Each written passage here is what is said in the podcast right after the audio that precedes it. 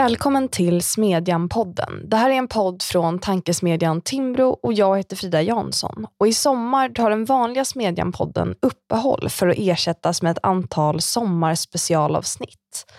I de här avsnitten kommer vi på Smedjan-redaktionen sammanträda för att ge er perspektiv på politiken.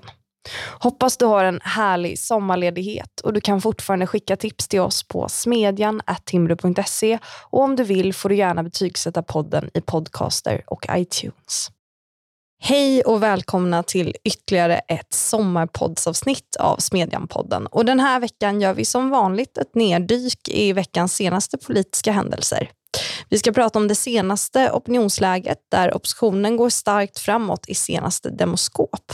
Dessutom ska det handla om Amnestys rapport om Ukrainas militär, lite missbruksvårdsfrågor och med mig har jag som vanligt Smedjan-redaktionen som består av Henrik Dahlgard, Adam Danieli och Linnea Dubois. Varmt välkomna alla tre. Stort tack. Tack så mycket. Tack, tack.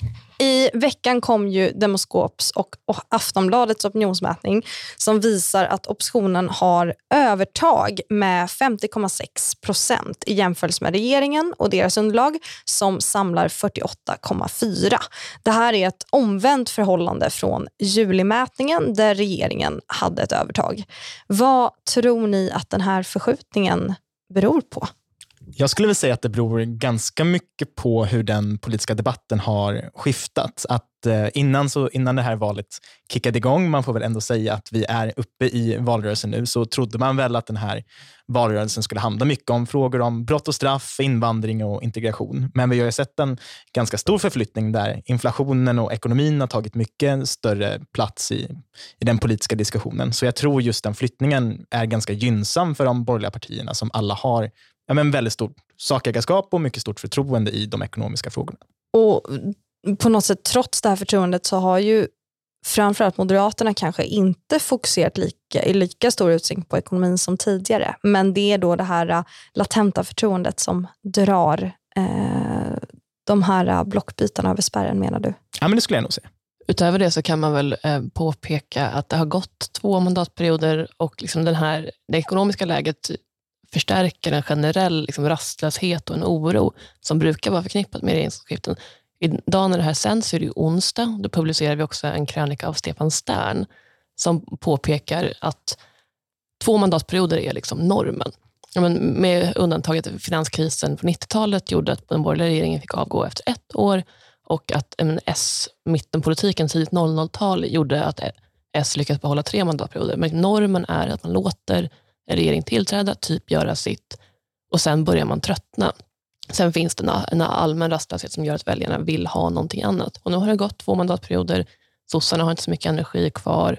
Deras stora förnyelsetillgång, Magdalena Andersson, har typ inte synts på två veckor, annat än i så deras egna partireklam på Youtube. typ. Och Det tror jag också medverkar.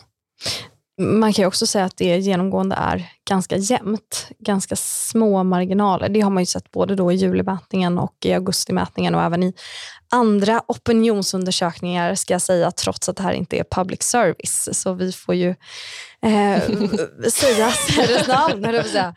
Eh, vad tror du Adam? Ja, jag delar nog kanske inte riktigt att det är ekonomin.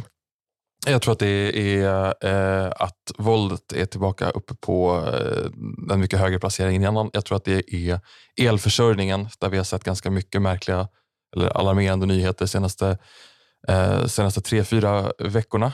Eh, och jag tror att det också är, det finns en, en trovärdighets, man ska inte säga trovärdighetsproblem, men det finns en, en eh, för första gången så ser vi en liten trötthet på Magdalena Andersson tror jag. Hon har levt först på att vara ny partiledare och sen på att vara någon slags stats eller regeringschef i, eh, inte i krig, men i någon slags krigsliknande tillstånd. Nu så pratar vi ingenting om Ukraina längre känns det som. Vi kommer att göra det lite mer i den här podden, men eh, det, jag tror det är en kombination av att man har, tapp, man har två viktiga sakfrågor tillbaka och att Magdalena Andersson inte längre känns som att hon har initiativet för första gången sen ja, hon tillträdde. Man kan ju också notera att eh, Liberalerna får sin bästa notering eh, i den här mätningen under mandatperioden och att det eh, också kanske har någonting att göra med oppositionens lilla lyft. Mm. Ja, det är väl så att Liberalerna är det enda parti som har ett stadigt tillflöden från andra sidan blockgränsen, vilket är roligt att se. Och Det bygger väl mycket på den här men lite mjuka paketeringen Liberalerna har av en politik som i grunden ligger ganska nära sig Moderaterna, men man uppfattas som ett stabilt borgerligt alternativ för den som också är humant lagd, eller vad man ska säga. Det där tycker jag är väldigt intressant. För om man tittar på en, en stor strategi som Moderaterna hade inför det här valet så var det ju att prata om de här blockbytena. De man skulle locka över från eh, det andra sidan blocket. Och Det är intressant att man nu har fått en, eh, en partner i Liberalerna som har kommit upp över spärren och nu är det partiet som just gör det den moderata valstrategin var, att få över eh, väljare från andra sidan blockgränsen. Eh, så det är väl plus till Liberalerna där. Nej, jag vet inte om jag håller med om att, att eh, Liberalerna skulle vara de enda som drar eh, personer över blockgränsen. Det finns väl fortfarande ett flöde från S till SD. Eh, jag, jag tänkte att det Anders Ygemans utspel kommer nog inte ingenstans ifrån. Utan jag tror att de har nu gjort analysen att det där är farligare, eller minst lika farligt i alla fall, som, ehm, som tappet till L. Och sen ska jag säga så här, att ja, det, det finns ju en... Jag är lite orolig, det kanske man inte ska säga så här, men att just tänka sig att L, så som du uttryckte det Linnea, är en stabil borgerlig partner. Uh, ja, man hoppas ju det. Att Johan eh, Persson har koll på sitt, uh, sitt parti. Det är ju liksom helt avgörande för att den här valrörelsen faktiskt ska gå, gå i hamn. Men det, är liksom, det gäller att hålla i det där, att vi inte börjar öppna upp för någonting annat nu. Men har inte sett Moderaternas valaffischer? De är ju överens. Ja, överens om att inte, inte vilja avskaffa... Jag, jag vet inte. Det. Eh, Amnesty har ju släppt en rapport eh, nyligen där man kritiserar Ukrainas militär för att försvara landet för nära civila mål. Och Det har ju varit väldigt stor kritik som har riktats mot Amnesty International, då, bland annat av ukrainska Amnesty, för att det här narrativet då skulle vara eh, proryskt eh, egentligen. Alltså att man fokuserar på hur Ukraina har organiserat sitt försvar egentligen istället för då den olagliga invasionen av Ryssland. Eh, vad säger ni om detta? Delar ni den här kritiken mot den här Amnesty-rapporten? Det finns ju egentligen två spår av eh, kritiken mot Amnesty som har riktats. Jag tycker rent generellt att den är befogad. Jag blev lika upprörd som många andra. Sen ser vi kanske inte skäl att tro att så Amnesty har tagits över av så ryska desinformatörer, utan snarare att det är som Per Baun, eh, professor i praktisk filosofi vid Linnéuniversitetet, eh, ganska skarpt uttryckte det på SVT Debatt häromdagen, att det sker en sammanblandning mellan en formalistisk internationell rätt och hänvisning till konventionstexter och någon form av så moralisk rätt, där Amnesty-narrativet eh, blandar ihop dem på det sättet spelar de i händerna som vill placera skulden jämnare fördelad eller mer hos Ukraina? Jag vet inte. Det, jag tycker att det här är lite överdrivet. Alltså, Amnesty har riktat omfattande kritik mot Ryssland eh, i, i, tidigare rapporter och nu tittar man på de brott mot Genèvekonventionerna eller egentligen internationell sedvanerätt som um, som Ukraina skulle, möjligtvis skulle kunna ha, ha begått. Jag tycker inte att det är konstigt. Jag tror att det finns en... Jag menar, så länge du har ett krig med två stridande parter, även om du tycker att den ena eh, har ansvar för kriget för, och för alla dödsoffer, så finns det en, fortfarande en skyldighet rent juridiskt att sköta kriget på, på eh, på ett visst sätt. Och det, alltså poängen, som, den kritik som jag uppfattar har varit att man har organiserat försvaret i för nära anslutning till eh, bostadsområden. Jag vet inte exakt varför människor bor kvar i många delar i, i östra Ukraina. Eh, men det verkar ändå vara så att man har ganska betydande befolkning eh, som bor kvar mitt i liksom, stridens hetta. Då har man ju ett ansvar att, att, i den mån det är möjligt, så som det uttrycks i, i Genèvekonventionerna, eh, placera, eller göra åtskillnad och placera eh, militära och civila mål åtskilda från varandra.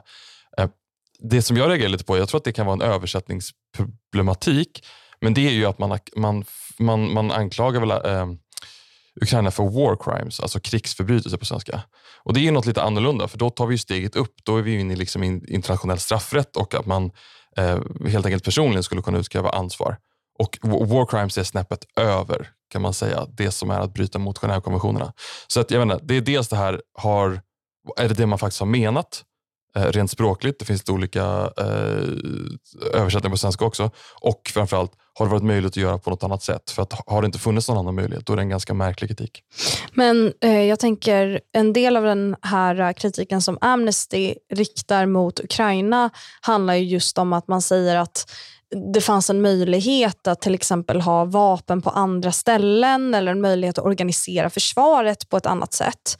Och Det tänker jag är ganska svåra frågor. Alltså frågor som handlar om strategi och, och exakt liksom hur ett försvar kan vara organiserat. Mm. Eftersom, precis du, som du säger Adam, så kommer det in en bedömningsfråga. Mm. Um, är det, går det att uttala sig på det sättet om man är en internationell eh, organisation för mänskliga rättigheter. Att man på något sätt kan liksom veta exakt hur man då skulle ha blivit kriget annorlunda. Jag vet, jag vet, inte, men så som jag förstår Amnestys ambition så är det ju att dokumentera saker och ting när de faktiskt sker. För att så fort det är över eller liksom striden har gått vidare, då är det här borta. Så jag tror ändå att det finns en poäng med att försöka samla in den här typen av information och sammanställningar eh, redan nu så att säga. Ehm, men det är klart att det, det är ju man uttrycker sig i ganska kategoriska termer. Och, och precis som du sa Linnea, så är det så här, den moraliska eller den, den, den, liksom, den analysen som en lekman drar av det här kanske inte är den som, som man faktiskt har eftersträvat och då har man ju misslyckats. Det är klart att det vore positivt med en kontinuerlig liksom, uppföljning och det är det många aktörer som har försökt. Eh, ukrainska myndigheter har väl ändå i förvånansvärt hög utsträckning öppnat för det och så vidare. och så vidare. Men vill man göra det så är det anmärkningsvärt, tycker jag, att men det rapporteras om att eh, den ukrainska avdelningen av Amnesty inte alls har varit delaktiga i det här, trots att de förmodligen, även om de såklart har en sorts så fosterlandskärlek som kanske gör att man blir vinklad i högre utsträckning än annars, fortfarande befinner sig närmast. Om, om du frågade Adam tidigare, varför bor människor kvar här? Ja, jag vet inte, för att de bor där. De har förmodligen men, så här, uppmanats eventuellt att så, även vill ni vara säkra så är det dumt att vara här för att ryssen bombar här och de kommer att fortsätta bomba. Men människor väljer att bo kvar och att eh, det ukrainska försvaret då eh, skickar dit sina soldater. För okej, okay, om ryssen bombar bostadshus, då kanske vi ska stå intill och typ eh, hjälpa till. För alternativet vore ju att lämna sina, sin civilbefolkning i sticket. Ja, nej, men jag håller verkligen med om det. För Jag blev själv ganska upprörd av den här rapporten, måste jag i, i grund och botten säga. Eh, och Det finns ett tankeexperiment som man brukar göra för att beskriva människor som inte har någon förståelse över en, en viss kontext i, av ett visst problem. Eh, och Det utgår från att utomjordingar reser ner till jorden för att försöka beskriva den mänskliga tillvaron. Men de förstår inte över alla dumheter som vi människor håller på med. Eh, och Grundtanken i det här experimentet är att synliggöra att man kan inte förstå olika handlingssätt om man inte förstår kontexten till till dem. Eh, och Jag tycker verkligen att Amnesty beter sig verkligen som de här utomjordingarna i det här experimentet. Man tycks inte ha en förståelse för vad som händer på marken, vilka faktiskt brutala krigsmetoder som den ryska krigsmakten använder sig av. Där man faktiskt eh, bombar eh, civila. Och om man ska skydda sin egen civilbefolkning, som Linnea är inne på, så måste man ha militär där civilbefolkningen finns. Jag tycker det är ganska självklart. Men, men nej, det, alltså det är inte att man har strider på marken där civilbefolkningen finns. Det är inte det som är kritiken, utan kritiken handlar om att man har lagt upp försvaret och använt till exempel eh, sjukvårdsinrättningar som både sjukvårds och eh, um, militära baser. Alltså Det är ju det som är grejen. Det är ju inte det att man... Alltså klart att om, om, om, har man kunnat belägga det? Ja, det är det de anklagar dem för. Jag vet inte exakt vad de har för metodologi för det där. till exempel finns... så beskriver man ju att soldater kan gå in och vila på sjukhusen. Till ja, exempel. Precis, det är, sån... det är ju inte, alltså bara rent utifrån internationell humanitär rätt. Sen så här, vilka är Amnestys, vad har de lojaliteter emot? Jag tror inte heller att de är köpta av Ryssland. Jag tycker att det är ganska tondövt att släppa den här typen av väldigt eh, kategoriska liksom, slutsatser. Men samtidigt, deras skyldigheter är ju mot civilbefolkningen. Och civilbefolkningen i, i, när det kommer till stridande parter eller när det kommer till krig, de är inte på någon sida. Utan de är bara utanför, ställda utanför eh, de, de stridande trupperna. Så det är ju deras, eh, det är de som de har en skyldighet mot och som jag tror att de upplever att de, deras rätt som de faktiskt tar tillvara.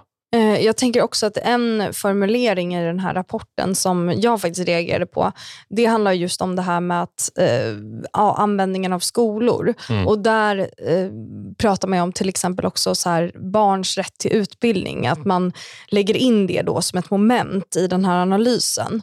Och Det tycker jag ändå tyder på, eh, ja, men lite som det du var inne på Linnea, alltså ett sätt att eh, på något sätt blanda in då en mängd olika eh, ja, men, juridiska begrepp eller juridiska konventioner eller bestämmelser eh, som man då laborerar med och det skapar ju på något sätt en bild som inte stämmer moraliskt helt enkelt. Och som jag också tror faktiskt kommer vara viktig för historieskrivningen sen i, i när man sen skriver om det här kriget och vad som hände. Att det är viktigt på något sätt att kunna fördela skulden på ett korrekt sätt. Eh, och jag tror också att det som man nu, som jag tror kommer hända och som man delvis redan ser, det är ju att Ryssland använder sig av det här. Alltså att man eh, använder sig av den här rapporten för att på något sätt, eh, det är en väldigt så känt, känd strategi från Ryssland, alltså att man hela tiden säger att så här, det finns skuld på båda sidor och så, för att på det sättet eh, ex exkulpera sig, eller vad Mm. man ska säga. Eh, Linnea? Jo, men jag håller verkligen med dig Frida. Och där tror jag, om man vill lyfta frågan lite, att vi har en generell sårbarhet. Även för den typen av senare men, ryska narrativ, just för att folkrätten fått någon sorts moralisk status. Det är ju inte bara Amnesty som har pratat om att det här är ett brott mot folkrätten och det här är ett brott mot folkrätten. Ja, det finns många saker som kan vara brott mot folkrätten. Det ska givetvis utredas. Det som står i konventioner gör det av en anledning. Men eh, internationella konventioner som är resultat av långtgående kompromisser är, åtminstone inte för mig, den högsta moraliska lagen. Och tappar man det ur sikte för att säga, journalister i sin strävan att vara objektiva bara hänvisar till eh, internationell rätt hit eller dit, då blir det samtalet väldigt sårbart för den typen av argument. Men det här, är, precis, men det här blir ju den internationellt erkända eh, ribban som man har i den här typen av hur man ska föra krig. Alltså Det finns ju ingen konvention som är så, så utbredd. Så att, att hålla sig till dem och att inte försöka så här i stridens hetta säga att nej men i det här fallet så var det faktiskt motiverat att, att göra på det här sättet. Alltså, jag tror att man måste utgå från en enhetlig ribba som man bedömer båda sidor utifrån. Jag tror att det, det, det är ju det enda man kan göra med legitimitet i längden. Jo, så kan det väl vara. Då börjar vi finns en- ursäkta Ukraina. Säg att, det skulle, säg att det kommer fram någonting om att det har, det har hänt någonting där civila verkligen har fått sätta liksom, eh, livet till i värsta fall. Jag menar då, den skyldigheten som vi har mot dem då, de har, då har vi försummat den. Ja, det är klart det finns någonting i det. Eh, samtidigt så kan man väl säga att exempelvis Genèvekonventionerna är gamla, eh, byggda utifrån en ganska så en idealistisk föreställning om vad krig är. Att det är armé mot armé som ställer upp sig, eh, eh, uppfyllda av sin egen rättfärdighet och liksom, eh, diktatorns krav på ett fält någonstans och panga lite. Eh, konflikter är sällan så enkla. Om de någonsin har varit det så blir de allt mindre så idag. Då får man fråga sig om de konventioner som, är, men, så här, som har närmare hundra år på nacken fortfarande är en vettig internationell ribba. Mm. Jag, jag håller med om det och det har ju visat sig vara väldigt svårt att hur ska man göra i många moderna konflikter som är asymmetriska, det vill säga det som inte, som inte sker mellan stater. Mm. Eh, men i det här fallet att ett land landinvaderar sitt grannland. Det känns som att det kan inte liksom bli närmare liksom andra världskriget än så i modern tid. Så att i det här fallet så tycker jag faktiskt att det är, det är rimliga förväntningar att, att ställa. Finns det inte en risk att man på något sätt förlorar sig ändå i de här äh, definitionsfrågorna? Alltså, jag tänker i början av kriget så um, hade ju statsminister Magdalena Andersson lite svårt att bestämma sig för nu ska jag se så att jag kommer ihåg rätt, men om det var ett krig eller om det var en invasion eller om det var ett brott mot folkrätten. Alltså hon, hon laborerade ju med eh, vissa så att säga, begrepp och ville, ja, men det kändes som att hon verkligen vägde orden där för, Mm. att, inte, för att inte säga fel, eller vad man ska säga. På den direkta Eh. frågan om så här, är det här en invasion eller vad är en invasion så sa hon väl att ja, den exakta definitionen av ordet invasion får vi återkomma till Ja, senare.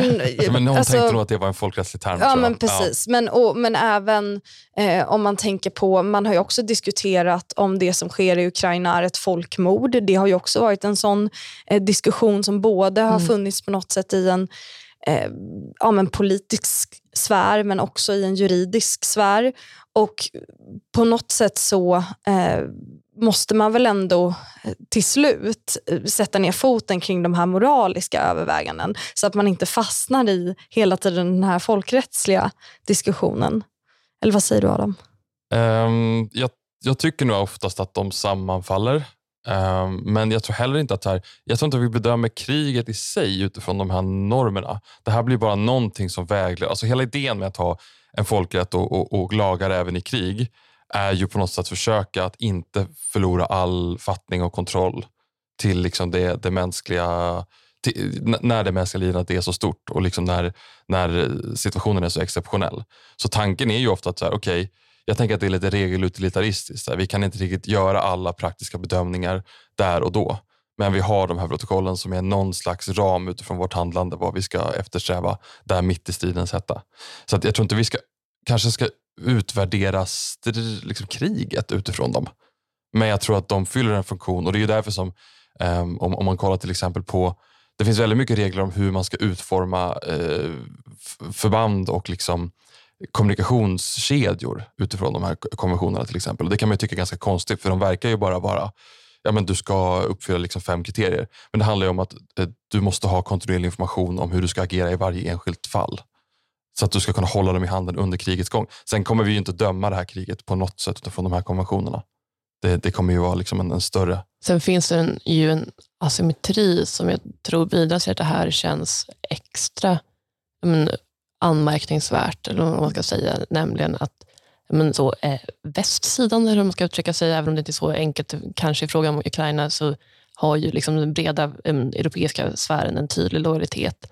Eh, att Ryssland är så totalt okänsliga för den här typen av argument. Att, åh, åh nej, det, det här, så här får ni inte göra, så här borde ni inte ha gjort. Och det, det biter inte där, medan man på andra sidan blir rätt ängsliga. Alltså, Så biter de argumenten olika hårt och då känns det men, djupare när det landar på den ukrainska sidan. Mm. Jag tror det även kan vara bra att påpeka att de här juridiska eh, termerna och eh, som, som ni har varit inne på i, i diskussionen nu är väldigt bra, som, som du är inne på Adam, när det handlar om att ställa människor till, till svars. Men jag tror också det är viktigt att säga att de aldrig svävar i ett vakuum, utan också sammanblandas med den mer moraliska och politiska diskussionen i hur kriget bildsätts och hur kriget diskuteras. Eh, och det är väl eh, framförallt det man kan vara kritisk mot i den här Amnesty-rapporten, att de här reglerna också kan användas i att sätta narrativ som också kan utnyttjas av Mm. eh, den ryska krigsmakten. Eh, tack för det. Jag tänker att vi går vidare. Henrik, du har skrivit en text om narkotikafrågan och om eh, Moderaternas förebyggande eh, vad ska man säga, reformpaket som vi publicerar på Smedjan imorgon. Exakt, imorgon torsdag. Ja, men precis. Ehm, jag har fått lite politiskt hopp i den, här frågan faktiskt, vilket man inte får så ofta i, i Sverige. Ehm, för förra veckan på tisdagen, tror jag det var, så presenterade Moderaterna ett reformpaket med 52 förebyggande åtgärder mot kriminalitet. Och En av de här punkterna det utgjordes av att eh, man skulle byta böter mot vård när det kom till att bruka eh, bryta missbruket. Alltså att missbrukare som eh, grips av polisen inte längre ska ges böter utan att man ska dömas till vård istället. Och det här kan ju verka som ett ganska okontroversiellt förslag, eh, men faktum är att det går emot den ganska gängse synen som har funnits på de här frågorna i, i svensk politik. Ända sedan mitten på, på 80-talet så har Sverige haft en väldigt restriktiv narkotikapolitik där den rådande synen och den rådande ordningen har varit att missbrukare ska dömas hårt. Eh, De ska straffas, för då kan de isoleras från tillfället. De kan inte lära ut sitt missbruk eh, och de kan även eh, på lång sikt tillfriskna eh, av av det här straffet. Eh, det här är någonting som man ofta hör från Socialdemokraterna eh, när de pratar. Eh, senast i våras så presenterade bland annat Lena Hallengren och Morgan Johansson narkotikautredningen, som är väl den största utvärderingen av svensk narkotikapolitik på decennier. Och då höll man fast vid den här gamla synen om att straffen ska vara hårda, det är så vi avskräcker människor och, och så vidare. man gör det trots att den svenska narkotikapolitiken minst sagt har fungerat väldigt dåligt. Sverige har till tillsammans med Irland den högsta narkotikarelaterade dödligheten i hela Europa. Eh, mellan 2012 och 2020 så dog drygt 800 personer varje år i, i narkota, narkotikarelaterade orsaker. Eh, så det här är en politik som har varit minskat sagt skadlig. Eh, och därför tycker jag det är väldigt välkommet att Moderaterna har nu börjat presentera en, en politik som utgår från en mer vårdbaserad eh, modell. Eh, man, när man pratar med personer i partiet så är man fortfarande tydliga med att man eh, Eh, vill eh, ha kvar kriminaliseringen av vanliga brukare. Eh, det vill säga att om du tar eh, knark på Stureplan till exempel så ska du fortfarande kunna få en bötesbot. Men eh, missbrukare, de som verkligen är utsatta i ett beroende, de ska istället dömas till vård. Ehm, det finns ju även partier i det borgerliga blocket som ehm, också håller med om den här utgångspunkten. Eh, Liberalerna är ett sådant parti eh, och de vill även utreda den här frågan lite längre eh, och gå emot den nästan heliga kon i den svenska narkotikapolitiken som är just kriminaliseringen av Eh, personligt bruk. Eh, om man tyckte nu när eh, den här narkotikautredningen presenterades i, i våras att man just skulle utreda om den här lagstiftningen faktiskt är effektiv. Så det jag skriver om är väl helt enkelt att om vi får maktskifte i höst, om de borgerliga vinner valet, så kan det här faktiskt vara början på en mer human narkotikapolitik i Sverige, där man faktiskt börjar ifrågasätta de här rådande dogmerna som vi har haft ända sedan 80-talet. Och det tycker jag är väldigt välkommet. Vad säger ni om en kanske förbättring av eh, situationen för missbrukare av narkotika i Sverige? Alltså jag funderar på, jag, jag tycker också att det var en väldigt eh, överraskande utveckling. Eh, jag har diskuterat narkotikapolitik och framförallt eh, Moderaternas eh, narkotikapolitik i väldigt många partisammanhang. Eh, och jag kan säga att det är inte riktigt det här intrycket som man får om man skulle plocka upp den här frågan någonstans egentligen. Så det var väldigt överraskande. Å andra sidan funderar jag nu på om det här är speciellt annorlunda än vad man kan eh, få redan idag. Jag för mig att man kan, om man har missbruksproblem så är väl, det väl, eh, kan väl motivera påföljden typ kontraktsvård idag. Ja, mm. men det ehm, stämmer väl, särskilt om det är allvarligt. Ja, jo, precis. Men det är, väl, det är väl bra om man utvidgar den möjligheten. Eh, sen vet ju inte jag hur benägna Socialdemokraterna vid en eventuell valförlust kommer att vara att, att röra den här frågan. Jag vet inte. Det känns som en fråga som måste förändras ganska mycket i politisk samsyn och då krävs det ju ett kanske bredare förtroende mellan, eh, mellan de stora partierna. De har ju varit väldigt, väldigt långsamma, Moderaterna och Socialdemokraterna i den här frågan och det finns väl fortfarande liksom ett folkligt motstånd, framförallt lite äldre, liksom Beirut-präglade generationer som man, för att inte skrämma bort väljare, behöver hantera varsamt. Medan de mindre partierna om man nu ska kalla typ Centern och Vänsterpartiet mindre partier, vilket man med fog kan göra, ehm, så kan man vara lite mer radikal utan att förlora det breda förtroende man behöver. Så vi får väl se långsamma steg. Även om det här är ett pytte, pyttesteg så är det glädjande att se att Moderaterna ändå signalerar att man kanske börjar vara beredd att kanske, kanske ta det. Nej, men det som jag tycker är intressant att beakta också, även fast det här är ett litet steg på, på vägen mot en mer eh, human politik, så tycker jag ändå det är intressant att man väljer att presentera ett sånt här förslag i en valrörelse eh, utifrån eh, perspektivet som vi har varit inne på, att narkotikapolitik är väl en av Eh, de mest känsliga frågorna i, i Sverige att diskutera, eh, i alla fall utifrån vissa perspektiv. Och att man då vågar lägga ett sånt här förslag, det tycker jag även tyder på en ganska stor, ett ganska stort självförtroende i att man har gjort ett politikarbete på det här området eh, och att man nu är eh, vill att genomföra den typen av mer eh, vårdbaserad politik, man ska säga. Eh, sist men inte minst, höll jag på att säga, så har Linnea funderat lite över integritetsfrågor, har du sagt. Ja, eller närmare bestämt så eh, har jag gått runt och muttrat över det här KD-förslaget som kom i slutet av förra veckan om att de vill att polis och åklagare ska kunna beslagta DNA som sparats i vårdens biobanker eh, i brottsutredande syfte. Och Det är ju ett ganska ordentligt brott med vad de här eh, biobankerna används till idag.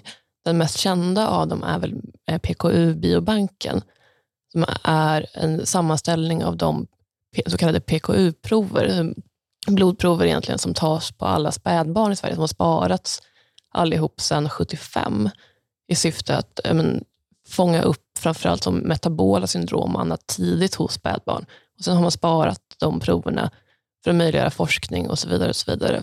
Och den här, att man kan kunna samla in så här många prover bygger på att man bett om föräldrarnas samtycke med liksom förbehållet att nej, men det här ska bara användas till medicinska utredningar och eh, numera även till medicinsk forskning.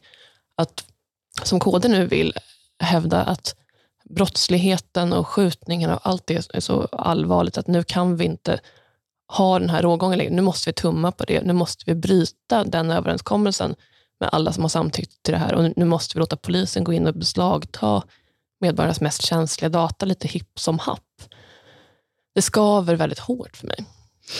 Kan man säga någonting om integritetsfrågorna generellt? Att, jag upplever i alla fall att de har varit eh, ja, men kanske inte så närvarande. Alltså varken kanske att man har sett enorma inskränkningar men inte heller att eh, de har seglat upp på dagordningen. Till exempel så blev ju Sverige fällda förra året i Europadomstolen för FRA-lagen som ju just handlade inte om själva lagen utan om de rättssäkerhetsgarantier som fanns och den tillsynen som fanns över då den här eh, signalspaningen eh, eller övervakningen. Eh, och det fick ju ganska lite politisk uppmärksamhet, var min bild. Är det en bild som ni delar?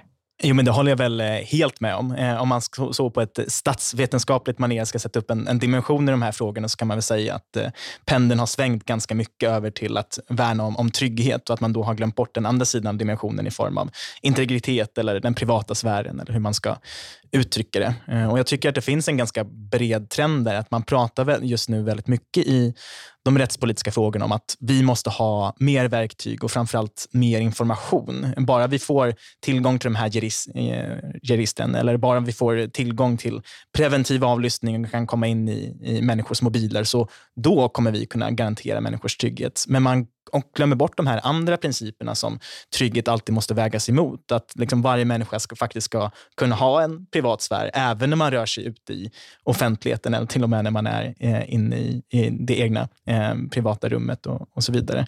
Eh, så just den Eh, Eh, just det vägandet mellan olika, eh, olika ideal tycker man helt har, har missat. Det finns ju ingen som, som förnekar att eh, Sverige har väldigt stora trygghetsproblem eh, och problem med den organiserade kriminaliteten. Men när man jobbar med de typerna av åtgärder så måste man också eh, väga olika värden mot varandra.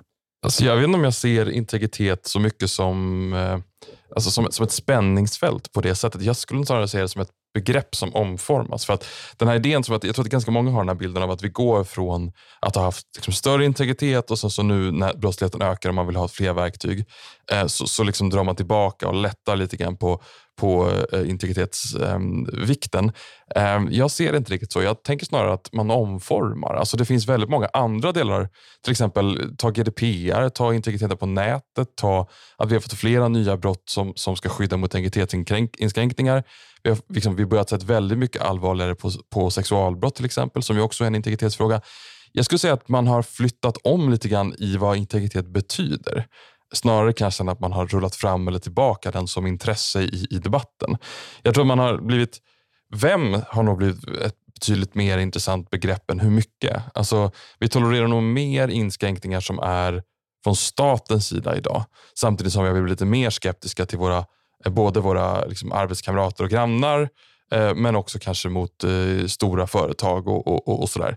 Eh, så att jag vet inte om jag ser en generell trend. Det är nog snarare det att man har eh, blivit mer, mindre bekymrad med statlig övervakning till exempel. Samtidigt som man blivit mycket mer bekymrad över andra människors eh, hur, de, hur de påverkar ens kroppsliga integritet.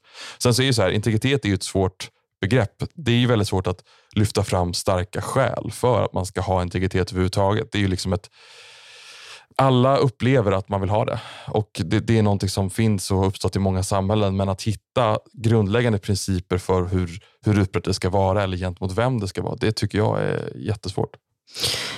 finns det också en risk att man ser på integritet och trygghet eh, som vad ska man säga, motpoler. Alltså, det kan ju vara så, men jag tänker just utifrån det exemplet jag tog när det kommer till eh, den här fällningen i Europadomstolen. Mm. Alltså det som Europadomstolen då slår ner på, eh, på tal om att också kanske hänvisa för mycket till juridiska konventioner.